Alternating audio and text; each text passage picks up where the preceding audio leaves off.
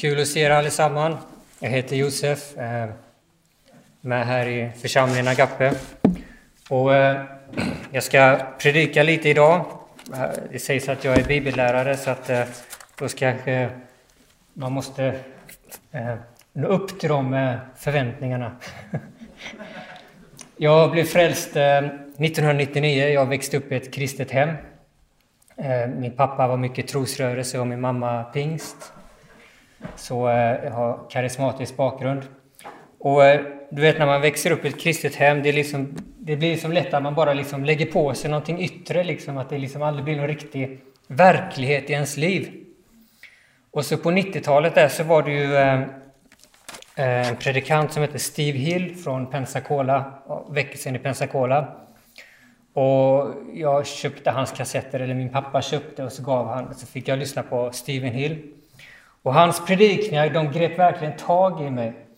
För att jag insåg att jag är en syndare. Jag behöver liksom en förvandling i mitt liv. Någonting måste hända i mitt liv. För att det, det är liksom, vet, om du inte har Jesus, det blir som man gör samma sak om och om igen. Och så, och så man är förslavad under synden, eller hur? Man, så, så, blir man helt förtvivlad. Vad ska jag ta mig till? Och så försöker man själv och så, så märker man att det här går inte så bra. Och, och, och, och, jag minns när Steve Hill predikade, det var så, han, han verkligen grät under tårar. Han hade alltid sin sån här servett med sig, så grät han liksom eh, väldigt skarpa budskap. Och, och jag fick syndanöd, jag kommer ihåg, jag grät i tre dagar tror jag det var. Och, och sen till slut så, så mötte Jesus mig och det var en livsförvandlande, livsförvandlande händelse. Så det, det, var verkligen, Bibeln talar om hjärtats omskärelse och för min del så var det verkligen en omskärelse i hjärtat. Det var liksom som att någonting hände i hjärtat, som en kniv som bara var inne och bara skar om mig. Och sen var jag radikalt förvandlad. Och det första jag gjorde det var att jag började predika på min skola, evangeliet. Eh, och sen predikade jag på Brandströmska här borta. Eh, jag tyckte att de behövde lite evangelium, där alla de här barnen. Eh, och, och så, så, flyttade jag till Finland och så jobbade jag som evangelist i Finland. Och sen så var det en, eh, eh en skola där, så sa de att ah, vi behöver någon skolpräst som kan komma och, och predika lite. Ja, jag kommer gärna, sa jag. Så jag var där, så jag var inne i ett bås och så predikade jag evangeliet för hela skolan så här på rasten på fem minuter. Så jag var väldigt brinnande och har alltid varit brinnande för Jesus. Och eh, Sen gick ju åren och sen hamnade jag i Agape. Det måste jag ju berätta hur jag hamnade här också. Eh, jag hoppar över lite av min livshistoria för annars kommer jag ta upp hela dagen här. Eh, och det här har varit en liten hemförsamling tillsammans, några stycken. Och, och han skulle flytta, han som ledde den här hemförsamlingen, och han tyckte att jag skulle ta över den. Men jag kände, nej, det här är inte Guds vilja. Eh, för att vi måste ha någon, eh, någon som kan leda arbetet. För jag, har liksom, ja, jag jobbar och så här och kände att det här är inte riktigt vad jag ska, ska göra. Och sen så, så bara kom det sån här visshet liksom att nej, det här är inte Guds vilja. Utan jag behöver hitta en församling. Så jag, jag skrev upp några församlingar så här. Jag förstod att det inte är Guds vilja att vara utanför en församling. Eh, Eh, utan jag började söka Gud och så hade jag en lista på olika församlingar. Och, och sen eh, eh när, jag, när jag tänkte på det, här, det första som kom upp i mig så fick jag en sån här inre syn där jag såg församlingen Agape. Och så kom det sån här visshet att jag skulle till Agape. Men så tänkte jag, nej, dit vill jag inte gå. jag var inne på hemsidan så här och det mesta var väl okej okay då med tv-arbete, men hallå, jag är en sån här enkel man, liksom. jag gillar inte när det är pengar och grejer så här. Liksom. Jag vill ha det enkelt. Jag hade mina föreställningar på hur allting skulle gå till. Mina tankar, mina planer, mina idéer liksom. Jag, jag, jag. och, och, eh, så eh, Agape, nej. Så, så jag, jag, gick till ett annat ställe istället tänkte jag, men det, det, är säkert dit jag ska gå. Och så började jag gå där, men så var allting på engelska, så jag tänkte nej, det passar inte mina barn. um, Och, och, och, sen så bockade jag av den ena efter den andra och sen, nej, nu finns det ingenting kvar, men jag kan inte bara vara här hemma liksom. Eh, och jag tänkte jag kanske kan driva det vidare med, med några bröder, två av dem är här idag ser jag. Um, men jag kände, nej, det är inte vad jag ska göra. Så, eh, så jag fortsatte att be. Och sen eh, när jag hade gett upp, det är bra att ge upp, för då händer det grejer. när, när, när jag gav upp så eh, så fick jag en dröm om natten. Du vet i Bibeln, om du har läst din Bibel, Gud talar genom drömmar. Han talar genom drömmar. Jag hade en dröm den natten. Och i den drömmen så såg jag två personer, Ove Marcelin och Per-Arne Imsen. Och jag fattar, jag har ju redan förstått att jag har redan fått det här att jag ska ta gappe. Så, så, så, det bara kom den här vissa, okej okay, jag ska till Agape, jag går dit och sen gick jag dit nästa söndag och sånt där och sen dess har jag varit kvar där liksom. Så jag vet att det var liksom Gud som, som ville att jag skulle gå dit och då får man lägga allting annat åt sidan liksom. Uh, och, och det är intressant, vet, vet, vet, du, nu kanske någon tänker, ja men hur vet du att det var Gud som gav dig den drömmen? Du vet, när Gud ger en dröm, om du läser din bibel, så det var aldrig någon som tvekade på att det var Gud som gav den. Utan när en dröm kommer från Gud så kommer det alltid en visshet. Vet, vi har så mycket drömmar, jag har jättemycket drömmar. Och de flesta drömmarna är bara dumheter. Och man vet att ja, men det var, oh, vilken tur att det var inte sant den där drömmen. Liksom. Men när det är en dröm från Gud, då kommer det alltid med en visshet. Och det händer inte ofta, jag tror det har hänt två, tre gånger i mitt liv. Att jag fått sådana drömmar. Så, så är det och nu står jag här på konferensen och ska uh, predika och det är första gången jag talar på en konferens. Jag är inte grön som predikant, jag har predikat i många år, men, men just det här med konferenser är, är, är någonting nytt. Uh, det hade jag inte räknat med. Jag, jag, helt plötsligt så stod mitt namn där liksom på medverkande. och, och, jag tänkte, men, ja, just det, jag skrev uppe på mötesledare på fredag kväll, så är det säkert därför jag ska medverka. Men sen kommer jag att tänka på, just det, Per-Arne, han sa ju ändå i januari att jag ska förbereda något. Okej, gå med över till Uppenbarelseboken kapitel 3.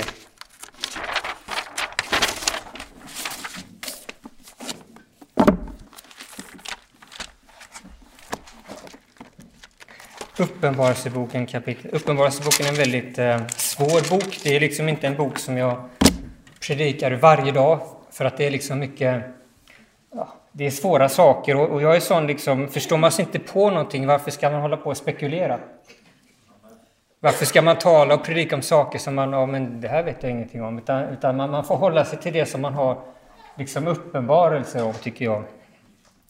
Och jag tänkte tala om, om, om Laodicea-församlingen utifrån Uppenbarelseboken kapitel 3, vers 14 till 21. Och, och, och, titeln på, här, på den här predikan är är du brinnande eller är du ljummen? Frågetecken. Det står så här i Uppenbarelseboken kapitel 3, vers 14. Skriv också till ängeln för Laodiceernas församling. Det, detta säger Amen, det trovärdiga och sanna vittnet, begynnelsen till Guds skapelse. Jag vet om dina gärningar, att du varken är varm, eller kall eller varm. Jag skulle önska att du vore kall eller varm. Men eftersom du är ljum och varken kall eller varm ska jag spy dig ut ur min mun. För du säger jag är rik och har överflöd och behöver inget. Och du vet inte att du är eländig och önskvärd och fattig och blind och naken. Jag råder dig att köpa guld av mig som är renat i eld så att du blir rik och vita kläder att klä dig så att din, din, din skamliga nakenhet inte ska synas och smörj dina ögon med ögonsalva så att du kan se. Alla de som jag älskar tillrättavisar och tuktar jag. Var därför ivrig och omvänd dig. Se, jag står för dörren och knackar. Om någon hör min röst och öppnar dörren ska jag gå in till honom och hålla måltid med honom och han med mig. Den som vinner seger, honom ska jag låta sitta med mig på min tron så som också jag har vunnit seger och sitter på min fader på, på hans tron. Så det här är ganska allvarliga ord. De här orden till Laodicea. Jag tror Laodicea, det var ju en, en, en fysisk församling. Det var ju liksom en, en, församling som existerade. Vi läser om det i Kolosserbrevet att Paulus nämner eh, Laodicea-församlingen. Så det var ett problem på den tiden. Men jag tror också att det här är en, en profetisk eh, beskrivning av ändetidens församling. För att han slutar här och talar i, i vers eh, 20 så talar om se jag står för dörren och knackar på. Han talar om Jesu återkomst, han talar om sin återkomst. Och Jesus kommer ju snart, eller hur? Och Bibeln talar om att i den yttersta tiden så ska det vara ett stort avfall innan Jesus kommer. Så Laodicea-församlingen, det är verkligen den församling som kommer prägla den yttersta tiden innan Jesus kommer tillbaka. Och det är den tiden som vi lever i. Vi ser liksom så mycket av, av, av, av de här sakerna runt omkring oss. Och synden i Laodicea-församlingen, vad är synden i Laodicea-församlingen? Jo, det är att de är ljumma. De är varken varma eller kalla, utan de är ljumma. Och, och vad innebär det att vara ljum egentligen? Har du funderat på vad det innebär att vara ljum? Jo, det innebär att, när man, att man har en bekännelse, men man lever inte livet. Man låter inte Jesus vara Herre, utan det är bara något, formellt. Det är liksom bara någon, någon, någon namnkristendom, kan man säga. Eller det är ett liv som kanske en gång har funnits där, men som har stannat av. Och det är intressant också här med, med, med, med Laodicea-församlingen, det är att han säger här att eh, i, i, i vers 17. För du säger, jag är rik och överflöd och behöver inget. Och du vet, att du, inte, och, och, och du vet inte att du är eländig, önskvärd och fattig och blind och naken. Och det är intressant här att de, de säger att de är rika, har överflöd och behöver inget. Vet du, Laodicea-församlingen, eh, det var en rik stad. Det var en stad med överflöd. De låg i navet in i, i, i, i, Turkiet och det var en handelsstad där det var mycket vägar som gick dit och mycket av handeln gick genom Laodicea. Och sen samma sak att, att Jesus här beskyller dem för att de har blivit ljumma. Vattnet i Laodicea var ljumt. Så man ser här att det finns verkligen, eh, eh, Laodicea hade blivit, alltså församlingen i Laodicea hade blivit precis som, som staden. Man hade anpassat sig efter hur världen var. Så här har vi liksom en bra beskrivning liksom på ändetidens församling där man, där man verkligen liksom anpassar sig efter den här världen. Man tittar liksom på hur det ser ut där ute och så tänker man att vi måste locka lite folk till kyrkan så vi måste anpassa oss så mycket som möjligt. Och det är, liksom, det är den situationen som vi har i vårt land, i Sverige idag. När man liksom försöker anpassa sig efter kulturen. Man försöker anpassa sig efter vad man ser där ute. Ja, vi vår församling var fem stycken, vi måste nog anpassa oss lite grann. Så att, så att vi, vi kan få 25 istället. Vi behöver ta bort lite om omvändelse. Vi behöver ta bort lite liksom om läring om att bära sitt kors och följa Jesus. Vi behöver vara lite ljumma så, så, så, så, så att världen accepterar oss. Så att vi inte blir hatare, så att vi inte blir smädare av den här världen. Så att vi inte får lida någonting. Det är så vi måste göra, säger man. Och Jag ska lyfta fram lite saker och, och det är viktigt också att, liksom, att, att vi liksom inte bara där ute, utan jag är, sån, jag är sån predikant som gillar att vända allting hitåt, till oss själva. För det är inte så lätt att bara peka där ute och visst, vi ska vara profetröster i vår tid. Men ibland så bör man också vända fingrarna hitåt, till sig själv. För jag vet hur, hur självbedragen man kan vara. Man kan vara expert på att hitta alla fel där ute, men så sitter man inte på sig själv liksom.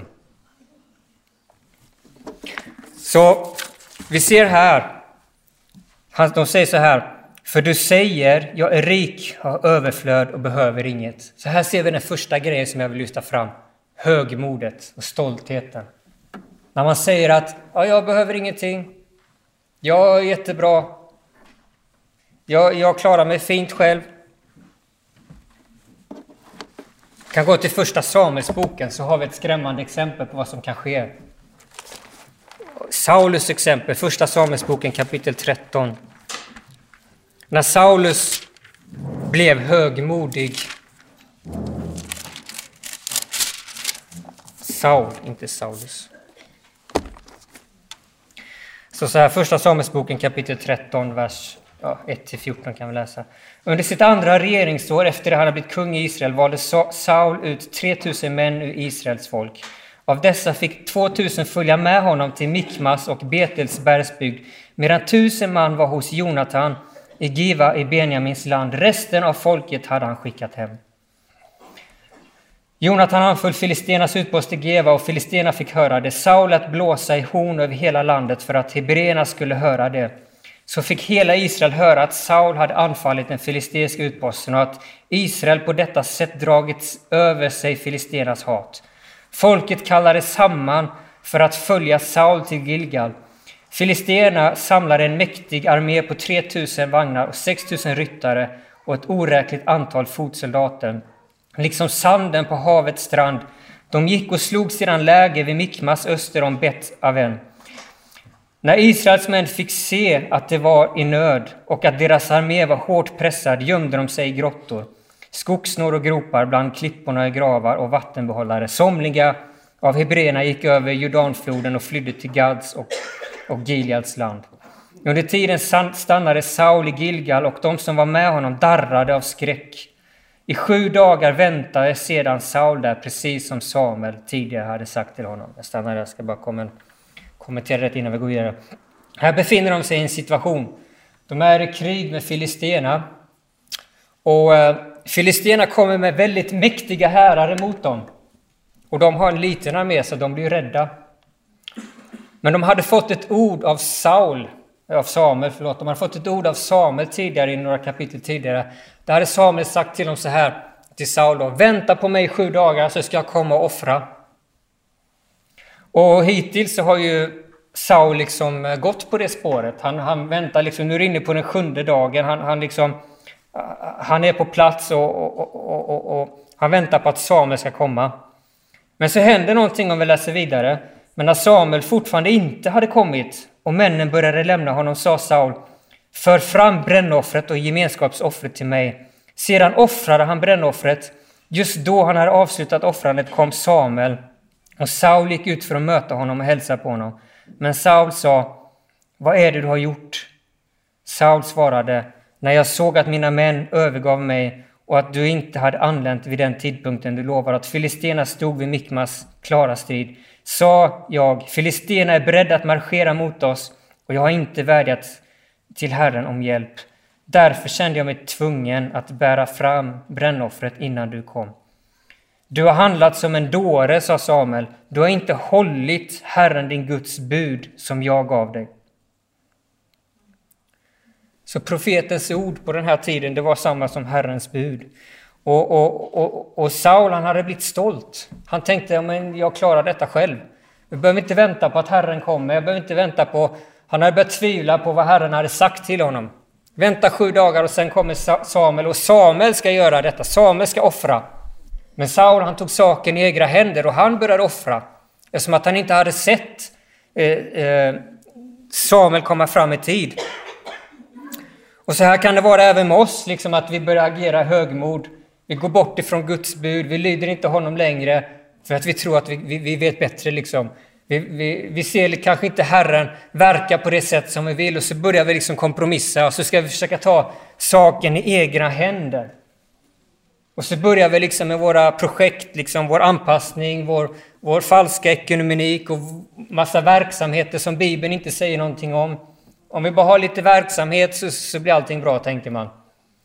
Men, men, men, man, man, man, väntar inte på Gud och man följer inte de principer som Gud har gett i skriften. Så att det här var liksom en synd som han begick, högmod och stolthet.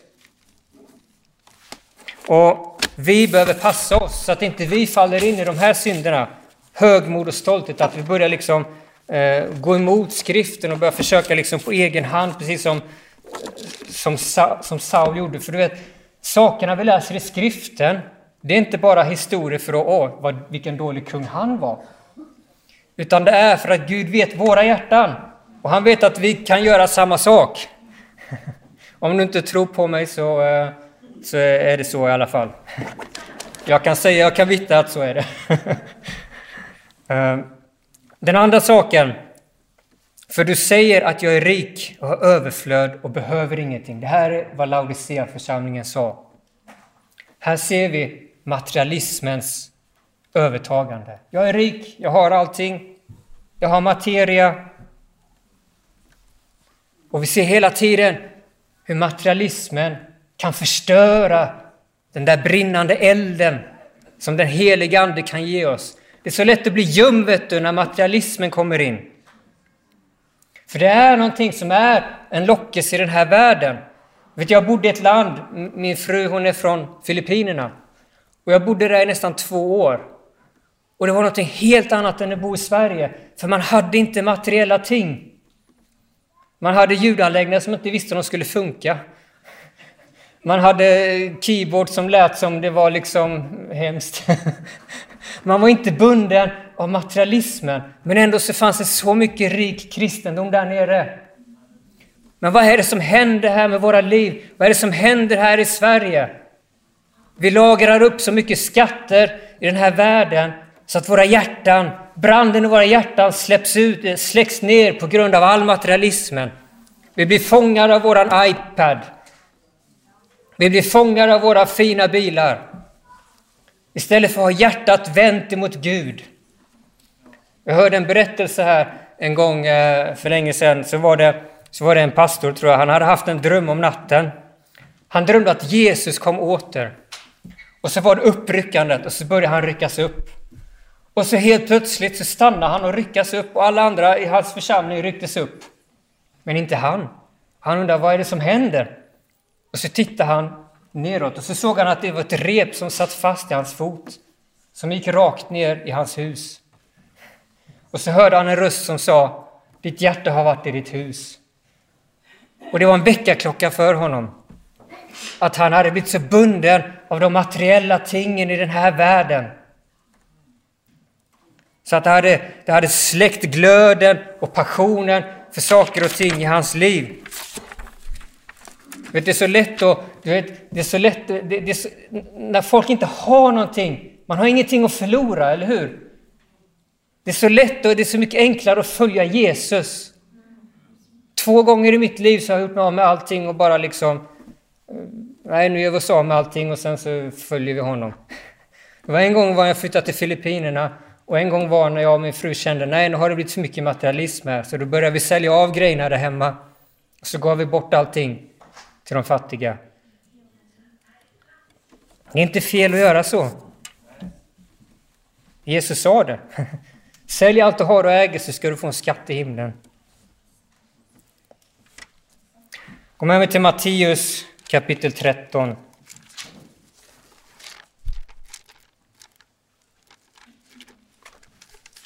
Matteus kapitel 13, vers 22. Och den som tar emot det sådda bland törnbuskarna är den som hör ordet, men där omsorg för denna världen och rikedomens lockelser kväver ordet så att det blir utan frukt. Här har vi materialismen, hur det kan kväva ordet så att det inte bär någon frukt i våra liv.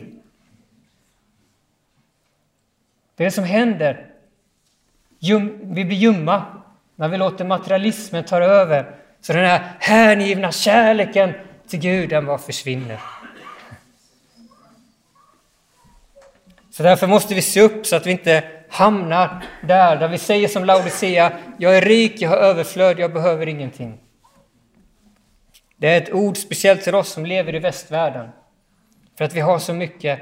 Och du vet, de som kommer från fattiga länder, de säger att problemet med västvärldens kristenhet är att det är materialismen. Det är det som står i vägen.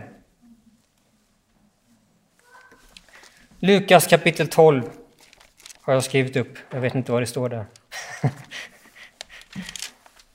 Vers 13 till 21. Ja, just det. Och en man som blev girig.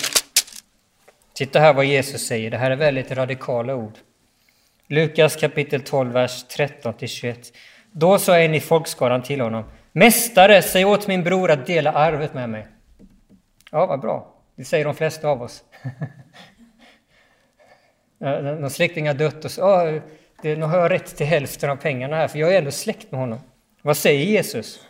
Men han sa till honom, Människa, vem har satt mig till domare till att skifta mellan er? Och han sa till dem, Ta er tillvara och akta er för girigheten.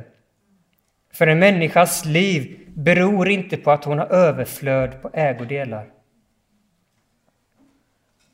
En människas liv beror inte på överflöd av ägodelar.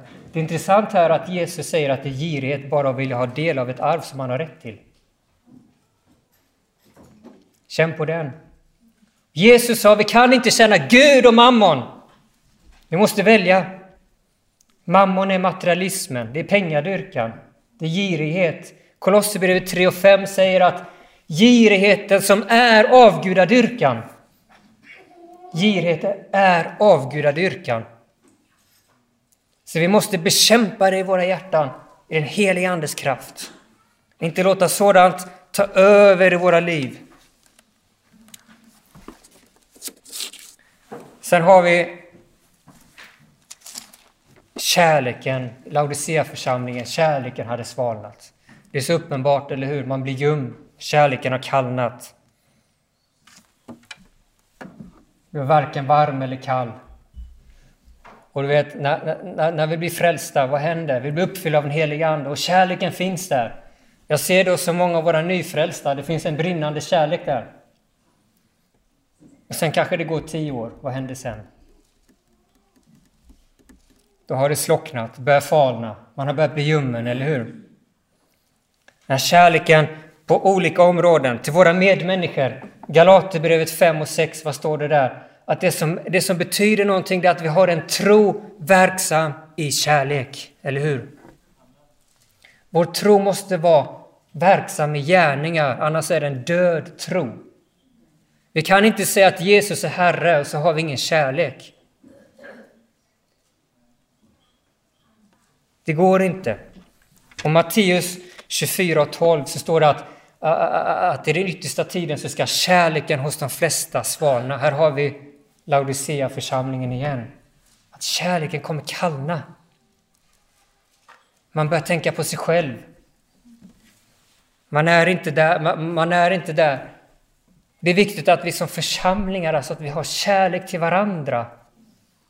När folk är sjuka, att vi ringer till dem eller besöker dem. Och, och, och, och när folk har ekonomiska svårigheter, att vi, att vi är där och hjälper dem. Att, att vi verkligen älskar varandra. Att vi har den här kärleken till våra medmänniskor. Det får aldrig slockna liksom. Och sen kärleken till Gud. Johannes kapitel 14 så läser vi Johannes 14 och vers 15.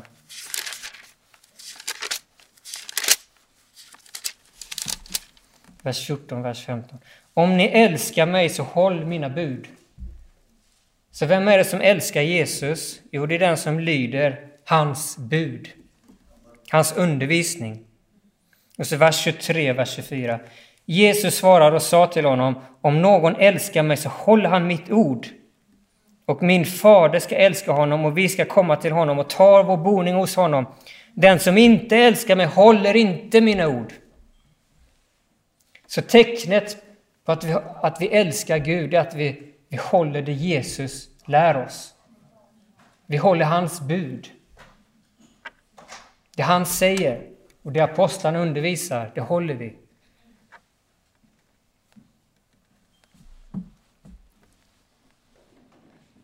Så om man, ser, om man, börjar märka att, man börjar märka att man inte lever i enlighet med vad Jesus lär, då har man ju övergivit kärleken, eller hur? Och då behöver man omvända sig. Och bli förnyad, uppfylld av den helige Ande igen. Så att man kommer tillbaka till den första kärleken. Församlingen i Efesus hade övergivit den första kärleken. Den fanns där innan, men nu var den borta. Och vi måste se till att vi inte har övergett den första kärleken, utan att vi vandrar i Anden, uppfyllda av kärlek. För det är så lätt att bli hård. Du vet, hjärtat är som en bit bröd. Vet, en bit bröd, det torkar ut och blir hårt.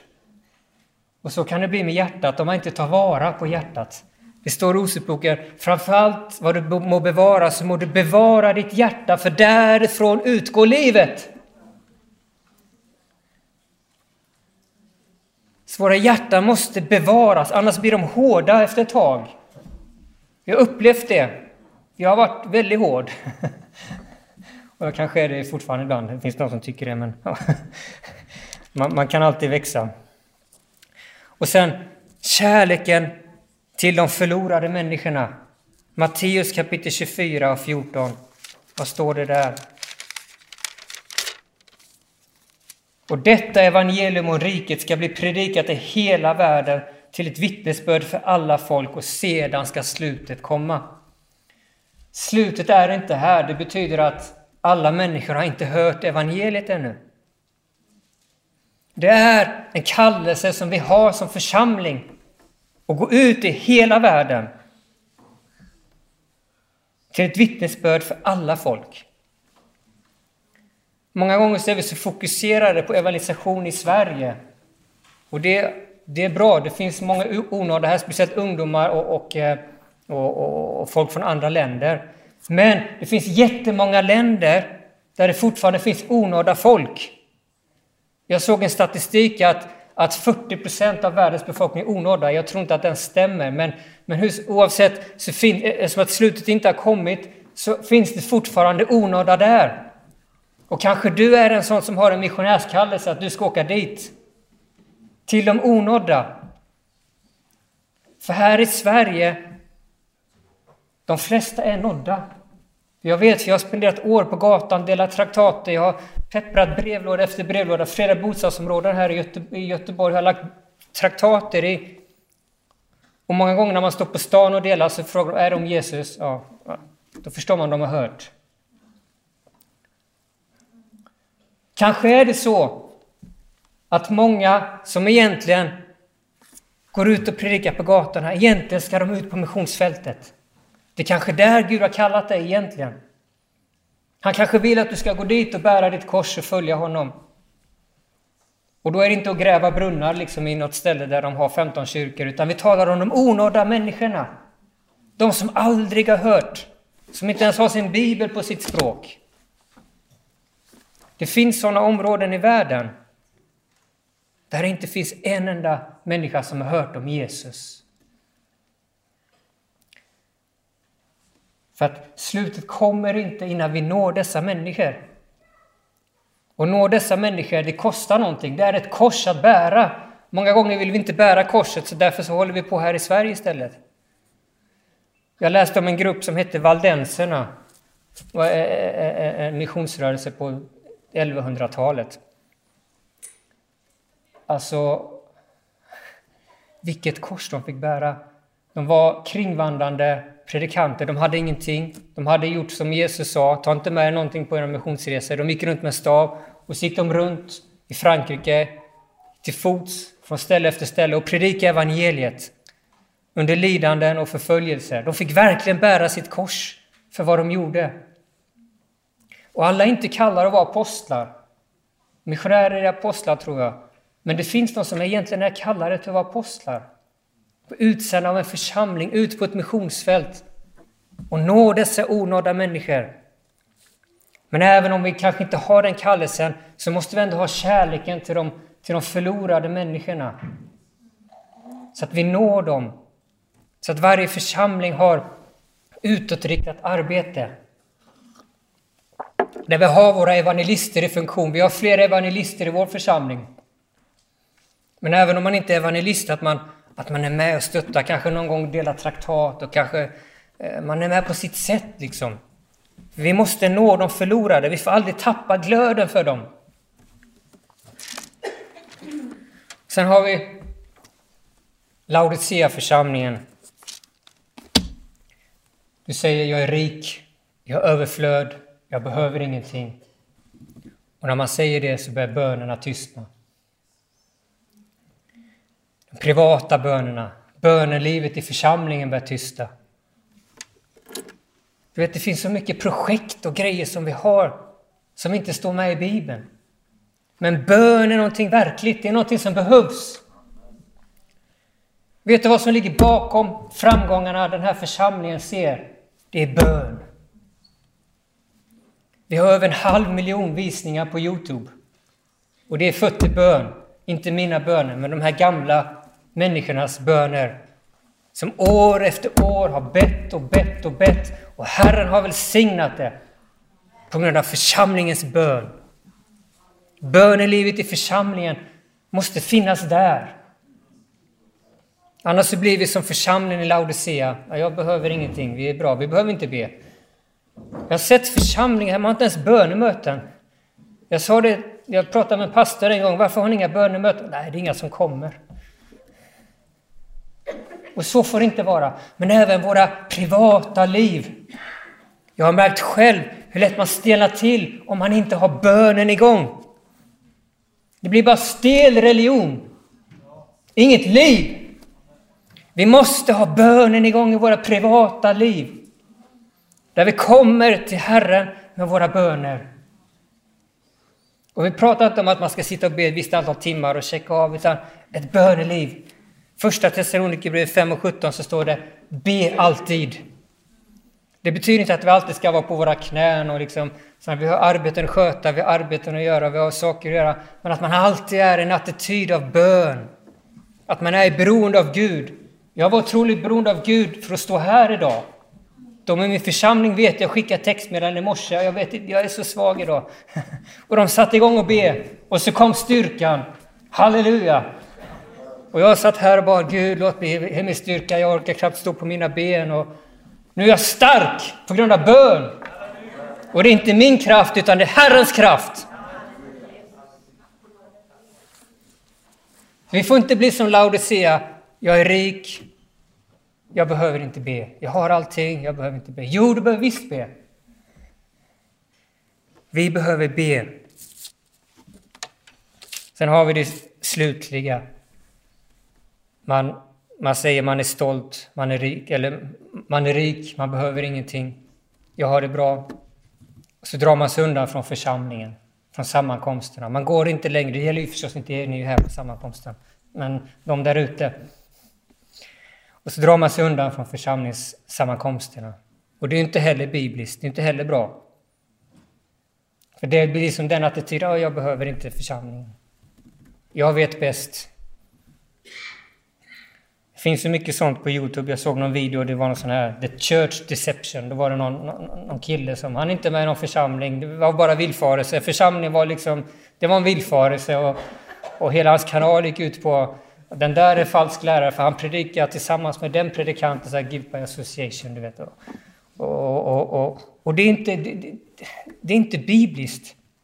Det är bibliskt att gå på sammankomster, fira Herrens nattvard, lovprisa Herren och be tillsammans. Halleluja!